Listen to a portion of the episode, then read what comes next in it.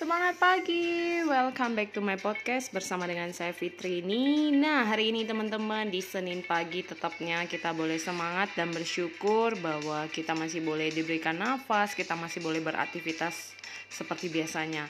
Buat teman-teman, apakah sudah bersyukur di pagi hari ini dan juga sudah melakukan aktivitas ataupun olahraga? Jadi kalau buat saya senangnya itu ya pagi hari. Memang gak bisa bangunnya pagi banget. Jadi biasanya jam tujuan itu olahraga pagi kayak jalan pagi gitu. Jadi nggak memaksa diri.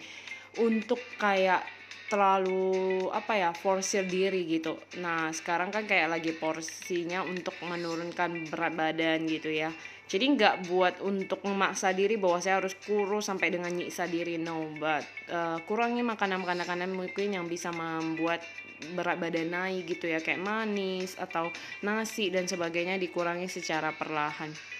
Jadi teman-teman buat saya uh, mungkin nggak kelihatan ya gitu ya berat badan bertambah gitu. Tapi naiknya secara timbangan itu kelihatan banget. Nah makanya saya berasa bahwa uh, I need to love myself dan juga nggak dipaksa. Jadi bener-bener enjoy bagaimana bener-bener menurunkan berat badan yang standar gitu ya.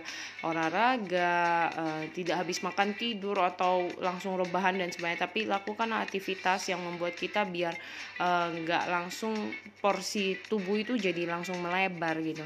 Nah buat teman-teman yang juga sedang berjuang lakukan. Bukan karena kata orang tapi apa yang uh, diri kita suka dan mau kerja kerjakan. Jadi tidak memforsir diri untuk menurunkan berat badan. Lakukan dengan senyamannya dan percayalah kalau itu dilakukan dengan enjoy, love yourself, maka semuanya akan terasa mudah dan menyenangkan.